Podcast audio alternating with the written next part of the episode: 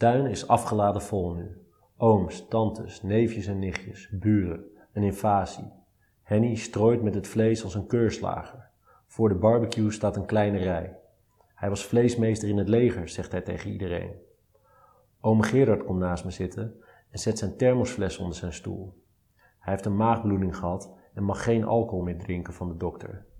Sindsdien gaat hij nergens meer naartoe zonder zijn eigen brouwsel. Niemand weet precies wat erin zit, maar het is in ieder geval geen Hollandse filterkoffie. Turk en ik hebben er een keer stiekem van gedronken. Eerst gebeurde er niks. Het smaakte als een kruidenbouillon en je kreeg er een lekker warm gevoel van. Turk had nergens last van, maar ik begon me na een paar minuten vrolijk te voelen. Een beetje stoned, maar alerter. S'nachts in bed, toen ik het licht uitdeed, zag ik het silhouet van een grote vogel aan mijn voeteneind. Het beest liep kalm op en neer en sloeg af en toe zijn vleugels uit. Ik schrok mijn hartverzakking, maar wist dat ik me inbeelde. Ik knipte het licht weer aan en weg was de vogel. Uit en daar was hij weer. Het duurde twee nachten voordat hij helemaal verdwenen was. Gerard lijkt in niets op zijn broer of zussen. Tante Petra, ome Jassie en mama zijn lang, hebben ravenzwart haar en felle blauwe ogen. Geen twijfel dat ze familie zijn. Maar Gerard is anders. Hij is klein en mollig, heeft grote, een beetje uitpuilende ogen. Het licht rossige kransje haar dat nog rond zijn hoofd zit, heeft hij laten groeien tot een mat die tot over zijn schouders reikt. Soms noemt Jassie hem lief halfbroertje en dan wordt hij helemaal gek. Maar hoe zat het ook alweer met Gerard? zegt Jassie dan. Mijn oma kijkt dan meestal een beetje glazig voor zich uit. Dat weet ik allemaal niet meer hoor, dat is al zo lang geleden. Gerard slaat amicaal op een knie. Wat ga je doen als je terug bent? Geen idee nog. Jij moet gewoon doorgaan met leren. Geloof mij nou maar, jij hebt het talent. En hoe verder je komt, des te meer rekenwerk erbij komt. En dan heb je een goede calculator nodig. Jij, maar ook die klasgenoten van je. Narda, zijn vriendin, kijkt geïrriteerd. Loop je nou bij je bloedeigen familie met die afgekeurde rekenapparaten te leuren? Haar zuidelijke tongval strookt niet met haar magere keiharde kop. Trap er niet in, jongen. Hij heeft ze ook op de kermis proberen te slijten, maar zelfs die gasten wilden er niet aan.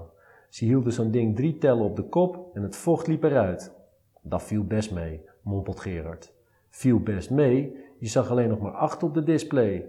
Gerard schudt zijn hoofd. Ik vraag alleen hoe het met die jongen op school gaat en jij moet meteen weer een hele heisa maken. Ik neem je nog een keer mee. Nerveus grijpt hij onder zijn stoel naar de thermoskan. Ja, ja, los het maar weer op met je toverdrank, zegt Narda. Mijn toverdrank? Iedere keer als ik me kont keer, zie ik jou met dat ding aan je lippen. Alleen als ik gestrest ben, Gerard, dat weet je best. Je bent al gestrest sinds die jammerlijke dag dat je voor mijn brommer sprong. Gerard en Narda hebben elkaar leren kennen dankzij een verkeersongeluk. Volgens hem was ze voor zijn brommer gesprongen, volgens haar was hij expres op haar ingereden. Tot de dag van vandaag houden ze vast aan hun eigen verhaal. Wie er gelijk heeft, weet niemand. Zeker is wel dat Gerard, nadat zijn woede was bekoeld, uit nieuwsgierigheid naar het ziekenhuis was gegaan om te kijken hoe het met die schreeuwlelijk was. Ze bleek twee gebroken armen te hebben.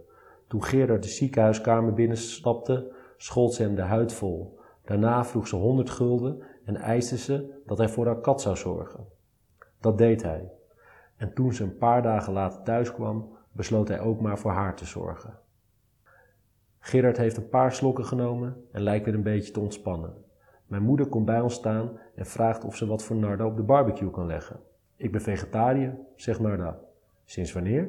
Sinds ik geen zin meer heb om jullie hier met z'n allen een halve kinderboerderij te zien wegwerken. Sinds een maand of twee, breekt Gerard in. Ik word er gek van. Nooit meer een lekkere carbonade of een suddenlapje. Een dood zonder reden is moord, Gerard, bijt Narda hem toe. Ik zal kijken of ik een lekkere salade voor je kan maken, biedt mijn moeder aan. Ben je gek, zegt Gerard. Haal je geen extra werk op je als voor die wereldverbeteraar hier. Gerard tikt Narda aan met zijn elleboog en wijst op haar tas. Voor die jongen. Ze haalt er een fles wodka uit.